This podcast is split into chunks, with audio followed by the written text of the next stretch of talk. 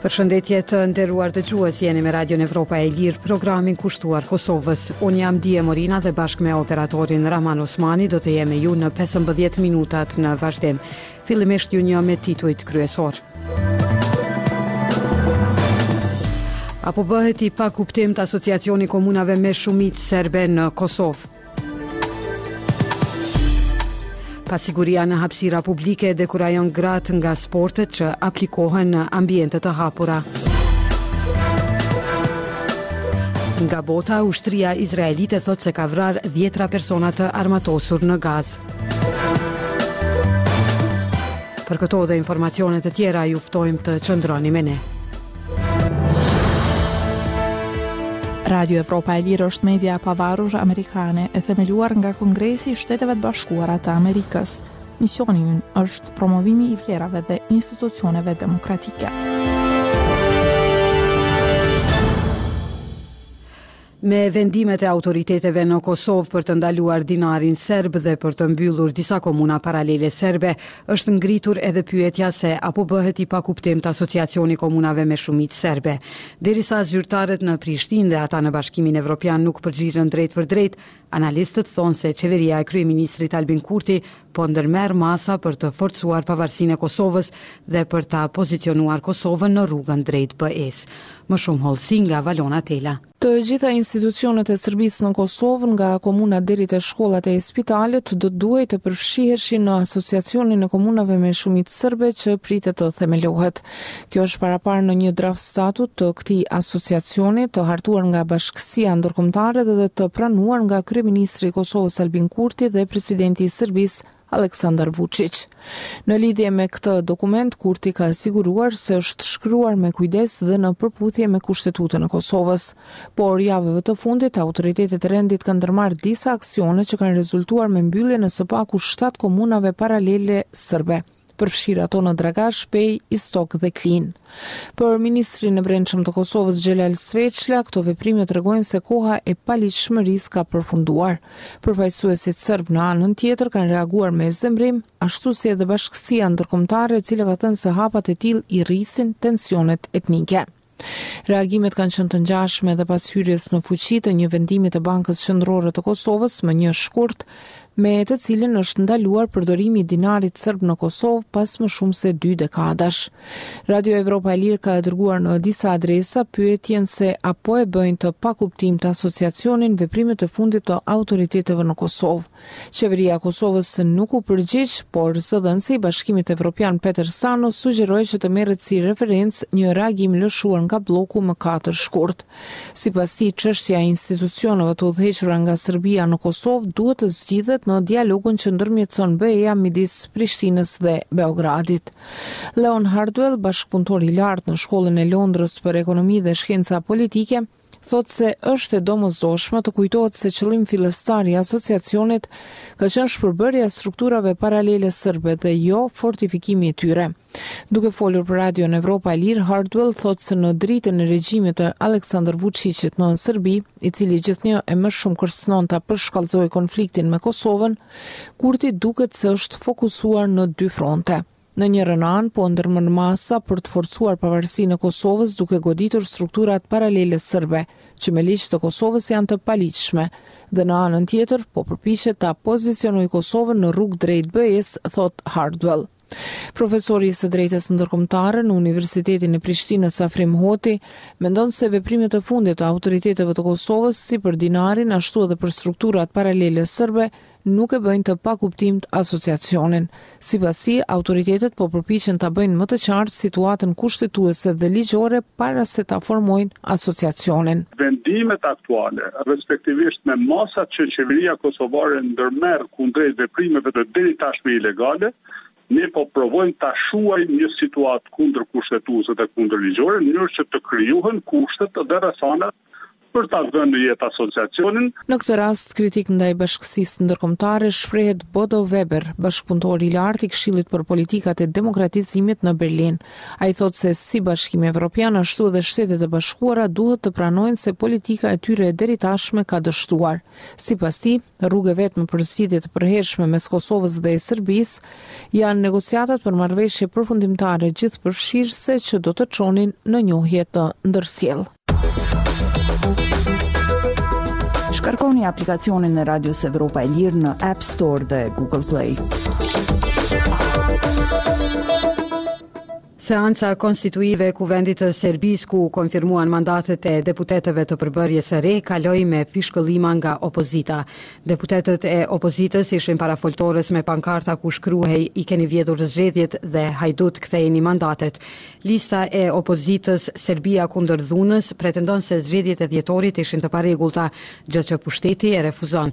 Për shkak të akuzave për vjedhje zgjedhore, deputetët e Listës Serbia Kundër Dhunës e kanë bërë betimin në korridorin e Kuvendit dhe jo në sallë. Para tyre, këtë e kanë bërë deputetët e koalicionit të djathtë Shpresa, i cili përbëhet nga Partia e Re Demokratike e Serbisë dhe Lëvizja për Rimëkëmbjen e Mbretërisë së Serbisë. Në vazhdim të seancës së parë, e cila nuk duhet të jetë në të njëjtën ditë, Deputetët duhet të zgjedhin kryetarin dhe nënkryetarin e Kuvendit, të emërojnë sekretarin e përgjithshëm, të zgjedhin anëtarët e trupave punues, si dhe anëtarët e përhershëm, delegacionet parlamentare në institucionet ndërkombëtare. Në zgjedhjet e jashtëzakonshme të dhjetorit, mandatet i fituan dhjetë lista zgjedhore, pesë prej të cilave janë pakicë. Partia Progresive Serbe me partnerët e saj të koalicionit do ta ketë shumicën në Kuvend. Lista e saj zgjedhore, Aleksandër Vuçiç, Serbia nuk duhet të ndalet, fitoi njëqind e njëzet e nëntë nga gjithsej dyqind e pesëdhjetë mandate deputetësh. Për të pasur shumicën parlamentare kërkohen njëqind e njëzet e gjashtë mandate. I dyti për nga numri i ulëseve në Kuvend është koalicioni opozitar Serbia kundër dhunës me gjashtëdhjetë e pesë mandate. Më pas Lista Zgjedhore Ivica Daçiç, kryeministër i Serbisë, me tetëmbëdhjetë mandate dhe koalicioni i djathtë Shpresa për Serbinë dhe Lista e Djathtë dhe Pro-Ruse Ne, Zëri i Popullit, do të ketë trembëdhjetë deputetë secili. Nga partitë e pakicës, Partia e Hungarezëve të Vojvodinës fitoi gjashtë mandate.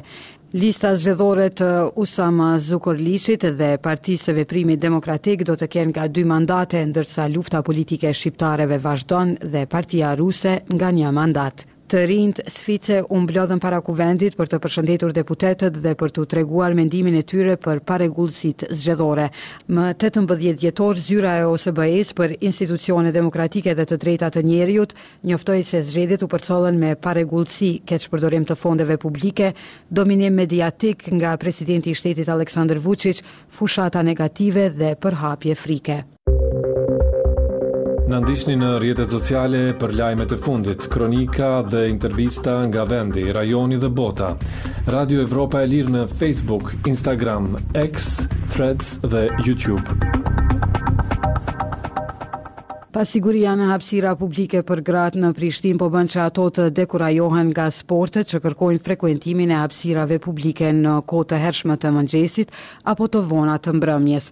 Një vrapuese profesioniste ka rrëfyer për Radion Evropa e Lirë për sfidat që ia shkakton ndjenja e pasigurisë karshi sulmeve e ngacmimeve të mundshme seksuale në hapësirat publike.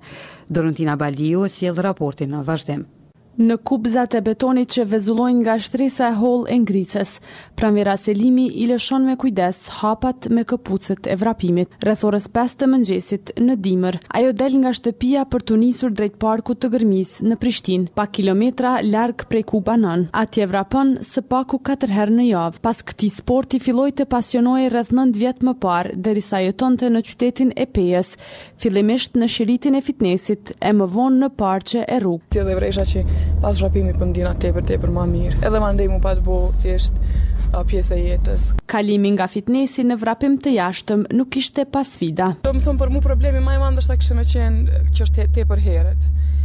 Dhe për ato ti kurrë nuk e din se çka kush mundet me qenë jashtë. Sulmet e mundshme si verbale, fizike apo seksuale janë rreziqet që i mendon gjithmonë kur del nga shtëpia para lindjes së diellit. Qaj momenti prej që zbres në lift më jap stres pak edhe prej lifti deri te vetura më jap stres.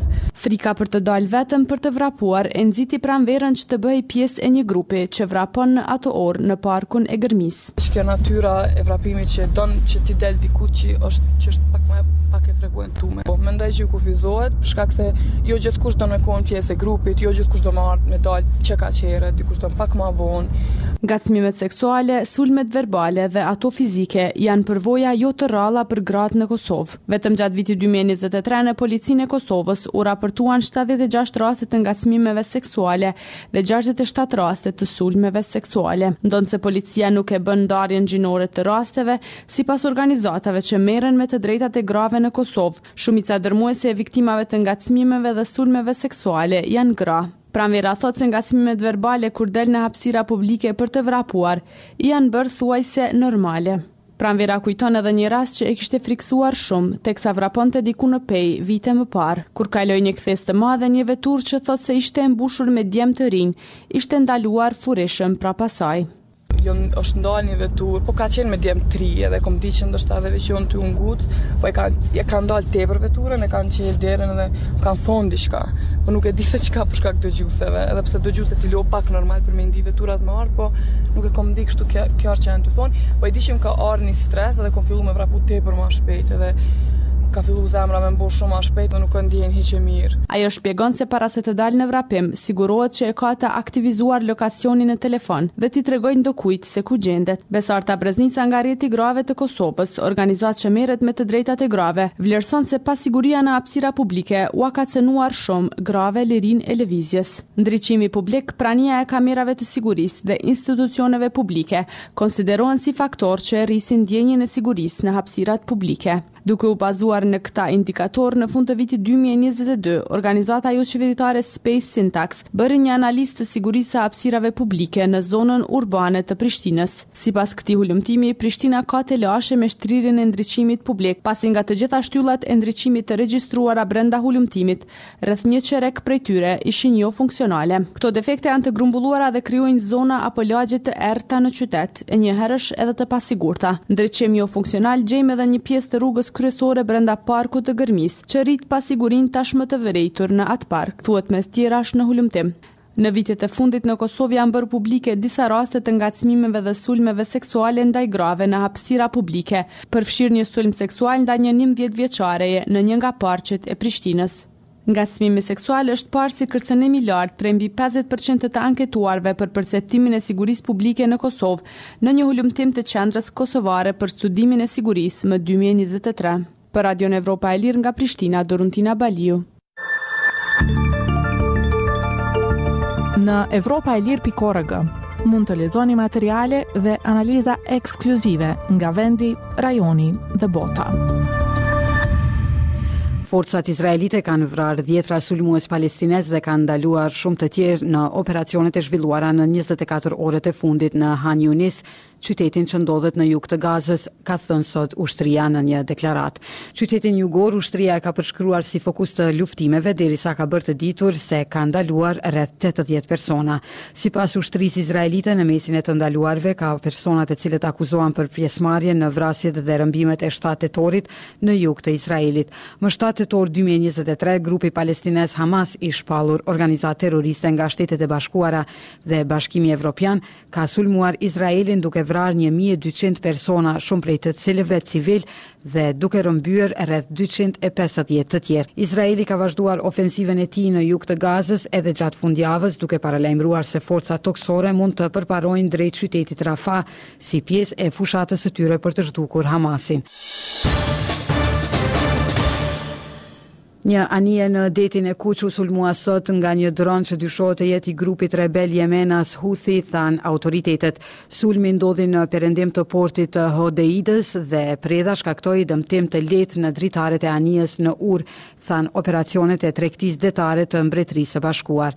Firma e sigurimit të anijeve, Ambrey, e identifikoi atë si një anije mallrash me flamurin e Barbadosit në pronësi të Mbretërisë së Bashkuar. Më vonë, një zëdhënës ushtarak i rebelëve Houthi, grup i mbështetur nga Irani, tha në një deklaratë se forcat rebele sulmuan dy anije të veçanta në Detin e Kuq, një amerikane dhe një britanike.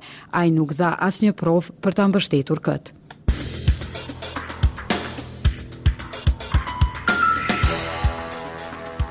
Ishen këto të gjitha materialet e përgatitura për edicionin e mesditës. Për lajmet e fundit dhe informacione të tjera mund të vizitoni faqen tonë në internet evropaelir.org. Jemi aktiv edhe në rrjetet sociale Facebook, X, Instagram, Threads dhe YouTube. Deri në takimin tonë të radhës, mirë mbetshi.